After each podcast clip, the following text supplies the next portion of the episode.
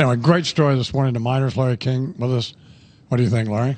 They haven't pulled as many Latins out of a hole since Madonna's last OBGYN visit. No, no, that's. That, I don't think. Oh my God! Pine Bluff, Iowa, you're on the air. Uh-uh. Uh-uh. Hello, is anybody still in there?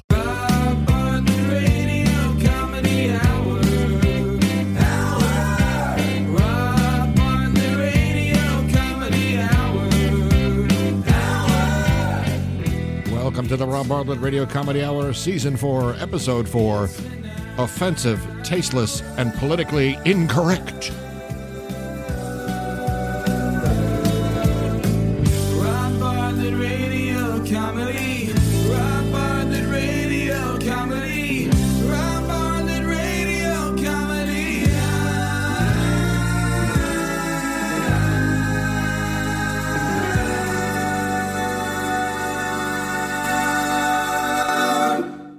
Welcome, boys and girls, to the Rob Bartlett Radio Comedy Hour. I am Rob Bartlett, and this is my Radio Comedy Hour. Tonight's program is brought to you by the RB Comedy Arts Workshop and Acting Studio.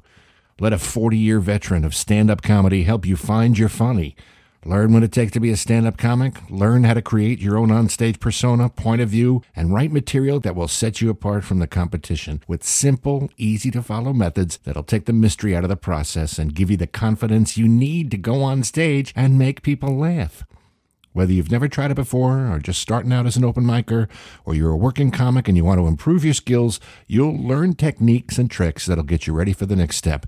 Passing an audition to become a regular at a comedy club, move up to a headliner, or prepare your TV special. Or, if you're a stand up looking to get ready for pilot season, get some common sense advice and instruction to use your skills as a comic to become a legitimate actor. My 20 years of acting on Broadway TV, film, and commercials will help you overcome the bias that casting agents and producers have against stand ups. Develop your own process, learn how to take an audition script, break it down into solid, specific, actable moments, and get that call back. Classes are forming now, but if you're not in the New York, New Jersey, Connecticut area, you can avail yourself to the online course that features video lessons and live real time Skype coaching. There's no reason why you can't do this. So take the first step. Check out our website for further information, the rbstudio.com. Send us an email, robio at the rbstudio.com, and use the code phrase Radio Comedy Hour and receive 20% off the price of the course. The Rob Bartlett Comedy Arts Workshop and Acting Studio. Find your funny. Tonight, we're going to take a look back at some of the more, uh, let's say, slightly offensive, arguably tasteless, politically incorrect bits that I wrote and performed on the Imus in the Morning program. Uh, one of the best parts about being on that show was the opportunity from time to time to push the envelope a tad because, you know, when, when you get to thinking about it, that was really how the show was born. Imus was a man who didn't care about convention, thumbed his nose at authority. Uh, he, I mean, he really was the very first shock jock. And he loved it when the boundaries are crossed, as long as it was funny. There was a limit, of course, every once in a while. And instead of just stepping over the line, there was a full on broad jump. And then there were appropriate reprisals and regrets. My, uh, my Rush Limbaugh song parodies, like Friends with White Faces, for example, when, in the interest of satirizing Rush's over the top bigotry and sexism, it nearly became a white supremacist anthem. and First Lady is a Tramp, which was Rush's tribute to Hillary Clinton, uh, just about gave Mike Wallace the vapors when he was doing the profile of the I Man on 60 Minutes. Both of those song parodies are available, by the way, on season three, episode three of the Rob Bartlett Radio Comedy Hour. If you want to hear them for yourself, they're still available right where you got this episode. So, tonight's program is a collection of some classic, not safe for work, non family friendly, proceed with extreme caution. Oh my God, he really didn't just say that bits over the years. I'd first like to thank the great Lou Rufino, Dagen McDowell, Connell McShane, Charles McCoy, Tony Powell, and Nat Candido for yucking it up at these bits. It really helped give me the confidence to do them, knowing that someone else thought they were funny besides me. And shock laughs are among the very best there are when you laugh at something you know you absolutely shouldn't be laughing at. And of course, as always, extreme gratitude to John Donald Imus for giving me the forum and allowing me to do them. And for sometimes when he wasn't playing the devil's advocate as the only true adult in the room, or when he would laugh at these infantile pieces just as hard as the rest of us. Uh, there was nothing better than making him laugh. And without him, none of this would have ever seen the light of day. That is really funny. Larry Flynt was a character I did during our last days on Fox Business. Larry had been a guest of ours. He was a huge fan of the show, by the way, and and just like I used to do when I was a kid as a class clown, when I imitated the teachers, I realized I could kind of do Larry Flynt's voice, which was kind of weak because he was in a wheelchair, paralyzed from a gunshot wound. So of course that made me want to make him a character what was great about Flynt was there was there was no filter. He could say anything about anybody, including himself.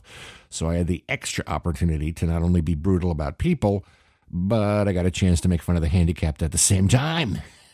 There's a bunch of Larry Flynt bits on YouTube. This is one of my personal favorites about Bill Cosby. And you know, what better comedy material? And you know, what better premise for a comedy bit than yucking it up at the expense of a serial rapist? from the perspective of a quadriplegic. Please welcome to the Imus Morning program our old friend Larry Flynt. Morning, Larry. Morning. And Bill Cosby was on NPR's Weekend Edition the other day to talk about loaning works to the Museum of African Art. And so, of course, the host, Scott Simon, asked him about the alleged sexual assault charges. It's a logical progression African art, Art Garfunkel, Simon and Garfunkel, Bridge over troubled water. but when the host posed the question, what he got from Cosby was the sound of silence. You have to wonder what old Cos was thinking. I'm in the middle of a PR crisis. What should I do? Oh, I know. Let me be interviewed on public radio. They won't ask me any questions about that. You should hire a different publicist. Right after the story broke, they came up with an idea to invite fans to create internet memes using his photograph. Oh, that's a good idea. A picture of him as Dr. Huxtable with the caption, I don't always sexually assault women, but when I do, I put drugs in their jello first. You don't think that went viral, do you? I refuse to believe these allegations are true. This is like a very special episode of Fat Albert and the Cosby Kids, where Dumb Donald learns that no means no. Hey, hey, hey. Roofies are bad. I think Cosby should tell his side of the story. You see, I took this lady to Atlantic City for a little reason, but she didn't want me to zubba zubba zibba her wisdom for, so I had to put a jamma zimma and a reason And then I give her my pudding pop. Nat Candido. Nat Candido's got one of the great laughs uh, in history. Uh, he was a huge fan of Larry Flynt. He was responsible for keeping Larry Flynt on the air, I think. Uh, he was also a fan of the Elephant Man. I- don't remember what inspired me to do a character from a 40 year old film, but uh, it was a short lived little foray into complete tastelessness. I don't think the I Man really got it, but it killed Nat and Tony and Dagen, so I did it until, you know, Imus threatened me with his gun to stop. Here, uh, here's the Elephant Man's first appearance on the Imus in the Morning program. And uh, the visual is, is worth checking out on, on YouTube because I have the, the bag over my head and the, the little cap. And I don't, I'm not proud. Please welcome now to the Imus Morning program the Elephant Man. Hmm. I'm so honored to be here. I've long been an admirer of yours, Mr. Imus. Oh. I find you to be a comforting presence.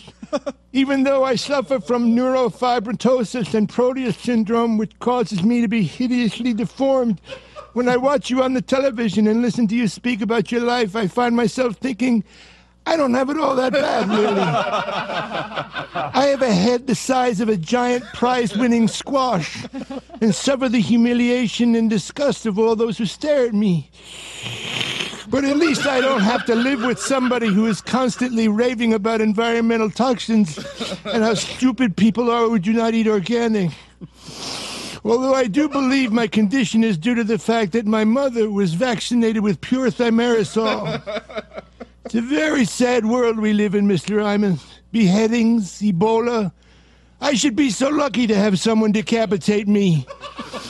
And bleeding from my eyes while uncontrollably vomiting is actually a step up from what I'm used to. I would welcome having terminal diarrhea. I wouldn't mind living in a hermetically sealed plastic tent. I used to call a wooden box in the back of a circus sideshow my home. I'm used to people being repelled by me, which is something you probably have to deal with as well. You say you're watching the freak parade? Well, I'm the Grand Marshal. And by the way, this is not a float. It's just my head. Very nice. Well, I guess we'll trust uh, the, the Nat would, would, would laugh at a car wreck, he seemed to like it. Yeah. and Dagen, who's uh, well not easily amused. But I'm not an animal. I'm a human Yeah, being. okay, fine, fine. Uh, I brought the Elephant Man back a few weeks later. I uh, reinvented him as a stand up comedian, but I think that was the last time he was ever heard from. Right around that time, uh, the Ebola outbreak was scaring the shit out of people. Uh, pandemic where people were dying these horrifyingly awful deaths, which, of course, said to me, time for a song parody.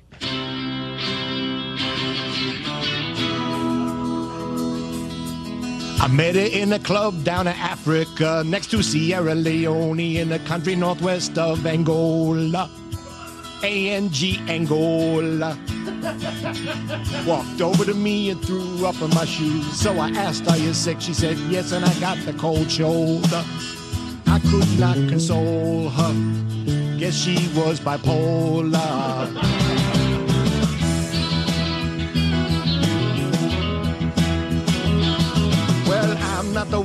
Intelligent guy, but when I saw there was blood coming out of her eye, that's when I told her, Girl, you got Ebola. Then I heard something I could not understand when I listened to Deirdre, wife of my man, the Ayatollah. He just can't control her, cause he's so much older.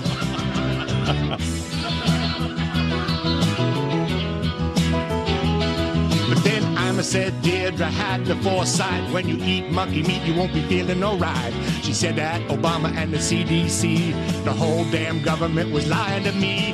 Now I got some killer abdominal pain and headache that feels like a knife in my brain. Is it Ebola? E-B-O, Ebola. I got the Ebola. Ebola. Better dig me a hole, cause my life is over.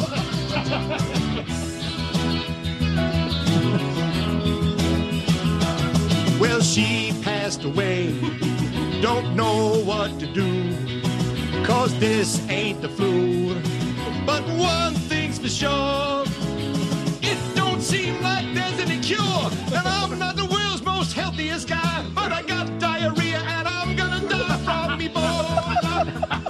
I got Ebola. I got the Ebola. Ebola. I got the Ebola. Now my life is over. All right. wow. Thank you very much. That was tremendous. Absolutely right there. that is really funny. Thank you, boss. Thank you very much. The Godfather was one of my all-time favorite characters. I mean, it's Godfather One and Godfather Two are, you know, really the two best movies ever made. It's one of those movies where you catch it on television as you're flipping through the channels, and once you see it's there, you're you're in until it's over. It doesn't matter how many times you've seen it. I love imitating Marlon Brando as as Don Corleone, and the the hook that the bits had, aside from him using the the phrase that "Act like a man," was doing setups and punchlines, but the setups would be in Italian and the punchline would be the translation. What I would do is I'd go to Google Translate and I would take whatever part of the script I wanted to have changed to Italian and I would then phonetically write it out and put that in the prompter so it would sound like I was actually, you know, fluent in Italian, which I really wasn't. But it must have convinced somebody because there was an Italian American publication, I forget the name of it, but they wanted to give me some kind of an award, some achievement award for my contributions to Italian American culture. And my manager had to sadly inform him that I was not, in fact, Italian. But sometimes I couldn't find what I needed to translate. And so I would go to Alice, who was uh, one of our producers uh, way back when we were first at RFD TV. RFD TV was. Uh, had programming like the Big Joe Polka Show and Classic Tractor Fever and Corn Wars and uh, of course, you know, Hee Haw. And Alice was born in Italy, and her father and mother still lived in Italy, so she would call them at you know five o'clock in the morning hour time, and uh, she'd ask them to translate. You know, but it was always bizarre shit like, "Daddy, uh, how do you say fifteen hundred pounds scrotum in Italian?" and then, you know, she'd kind of have to explain why she needed to know that, and immediately, so I could get it into the prompter. Uh, the Don was a favorite um, of the I Man. Uh, he could pretty much comment on anything, everything from the Pope to the midterm elections to Anthony Weiner to assisted suicide or or calling out the other Don, Imus, and uh, chastising him for eating at the Olive Garden. Here's the, the Capo di Tutti Capo himself, comparing Imus to Jesus. Please welcome now to the Imus in the Morning program, uh, the Godfather, Don Corleone. Godfather. Good morning. This uh, Reza Aslan has written a book about Jesus in which there are no mentions of the miracles, or as Don Imus calls them, magic tricks. as if the Lord was some Vegas Finocchio illusionist who makes white tigers disappear. I did not understand why Don Imus has this fascination about the book until I realized there are many similarities between Jesus and the I Man. In fact, Don Imus is actually a Christ like figure. Jesus once brought Lazarus back from the dead, while Imus has, on more than one occasion, brought his career back from the dead. Although he was not the one to turn water into wine at the wedding in Cana, Don Imus did once turn wine into urine that he left in a phone booth at 30 Rock. Oh. Jesus asked, What good will it be for a man if he gains the whole world yet forfeits his soul? While Don Imus is the man who gave us the words of wisdom, Are your peaches fuzzy? But in fact, in some ways, Don Imus is actually bigger than Jesus. Imus has millions of followers on radio and television where Jesus only had 12 disciples. And honestly, feeding 5,000 with just a few loaves of bread and two fish is not nearly as impressive as getting a million people to buy my pillows. Both are controversial figures who've been crucified for their words, although in Don Imus's case, the crucifixion was not literal unfortunately. For if he had actually been put to death, you might have little children running around the playground this very day with chains around their necks, upon which hang little silver cowboy hats. Dominus vobiscum. Na na na na na na na na. Please welcome. Larry King was fun to do because he was such a such a real character in real life. I mean, you know, he's 106. He was married 37 times, and so old time showbiz. I used to love trying to find obscure showbiz personalities for him to have on his guests for the sign off on the bits. Uh, here, here's Larry King with some observations on the Herman Cain sexual harassment story. And the bit ends with quite possibly one of the most hideous things ever said on live radio and television, but uh, still funny. Please welcome to the Imus Morning program, uh, Larry King. So, good morning, Mr. King. Morning, Soupy. Idiot. Herman Cain allegedly had an affair with a woman for 13 years, which is not all that different from allegations of sexual harassment, except this woman was actually into it. Herman, of course, is denying the accusation, saying she's only a friend, which to me means she let you hide the ferret and then call her own cab. I think the kids today call that a friend with benefits. Years ago, that used to mean a lady you knew had major medical and a 401k. These days, it means she's willing to let you dip your stinger in the honey hive, go Dutch on dinner, and not stay the night. If you ask me, to paraphrase Elton John and Dionne Warwick, that's what friends are for. The only thing that would really put it over the top would be if she let you borrow money. But I've never been lucky enough to have those kinds of friends. Oh, we'd start out that way, catch a hockey game together, then ice the puck out in the parking lot after the third period. But then she inevitably would want me to put a ring on it. Which usually meant one on her finger and one through my nose. Moose Knuckle, Kentucky. When you do it with a fat chick and her belly slaps against her breasts, does it actually sound like she's giving you a round of applause? Your thoughts? What? God almighty. I mean, uh, Jesus God. What? It's five minutes till the hour.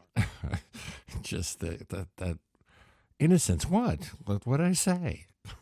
Just back uh, when we were on FAN, even before we were simulcast on C-SPAN and MSNBC, uh, song parodies were my stock and trade. I did dozens of them. Some of them eh, pretty good. Some of them classic. Some of them god awful. Um, here's one of the god awful ones. Not because the song itself is bad or not funny, but because it uh, it poked fun at the chairman of the board himself, Frank Sinatra, Old Blue Eyes, who had forgotten the lyrics to one of his hit songs on stage at a concert. So, you know, go ahead, make fun of an 80 year old guy with the beginning signs of Alzheimer's. That's a great idea, especially a guy who can make a phone call and have you killed. And now end is near. It might be time to just retire. My friends, they all steer clear. They're all afraid I might expire. but now my pants are full. and so I say, not in a shy way, I'll go. Good. I'll say goodbye. I'll hit the highway. Good. Duets, I did a few. I even sang with that guy Bono. he said the curse with F. I was impressed, cause he's a homo. My songs, I know them well, the words by heart.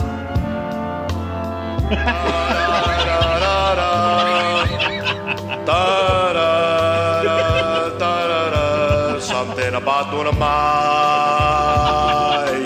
way. Yes, there were times I'm sure you knew. Without my teeth, I could not chew.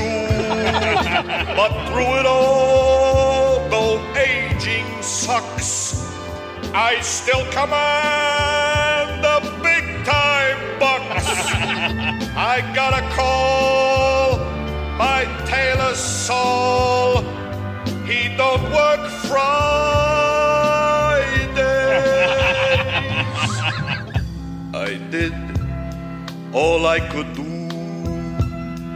I did it all. It was amusing. But now when I wake up, I find it all so confusing. Sometimes I'll take a drive, then take a nap right on the highway. so you there in your car, get out of my way. But what is a man supposed to do when he is done before he's through? and though he has a lot of spunk, that Harry Connick is just a punk. His records show he really blows. Can't do it my way. Hey, Frank. Frankie, get him what's the matter here? You got another shoulder though, Frank.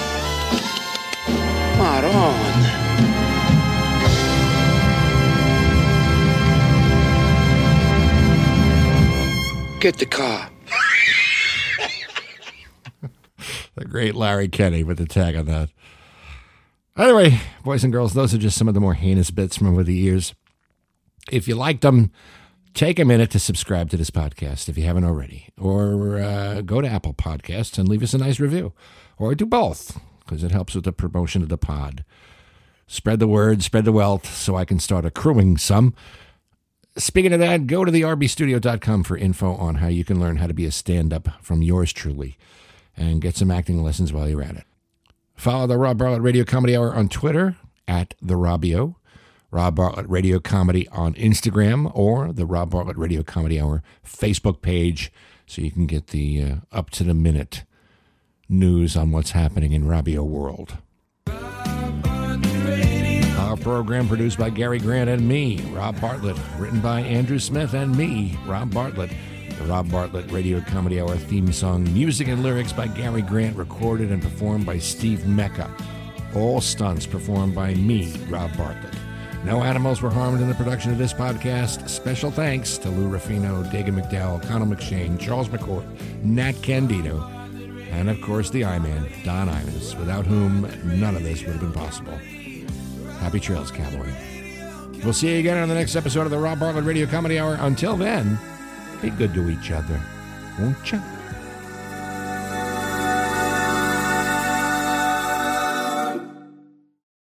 I asked for directions. They said, follow your nose. I said, how do you think I got lost in the first place? How can you tell if an elephant man has been in your house? His head is still stuck in the doorway when you get home.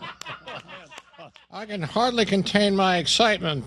Tonight, NBC is going to present Peter Pan live because they don't think America has had their fill yet of 1950s musicals. while the rest of us consider shards of broken glass into our eyes and ears. It's going to be presented from a studio on Long Island, which is kind of interesting. You would have thought, seeing as how Peter Pan is a boy who won't grow up and flies around getting into mischief, they'd do it from the West Village. There's no shortage of boys who can fly around Christopher Street, especially on Bette Davis night at the Cubby Hole. And they don't even need the pixie dust. They already have enough coke. Captain Hook's being played by Christopher Walken. And seeing as how Hook is basically a crazy guy in a stupid hat missing a hand, I'm surprised they didn't cast Billy Joe Shaver. That's not right. That is not right. Uh, no, that is not right. Peter will be played by Allison Williams, as traditionally the role goes to a woman who dresses up like a man, which is another reason why I'm surprised they're not doing it in the West Village. There's a ton of those down at Boots and Saddles on Vodka Stinger night. NBC's been humping this show for the past three months because last year's Sound of Music Live was a ratings bonanza. I'm not a fan of Sound of Music, about a former nun and an Austrian family on the eve of World War II. About five seconds into Edelweiss, I start rooting for the Nazis. Check the mountains, they're trying to escape.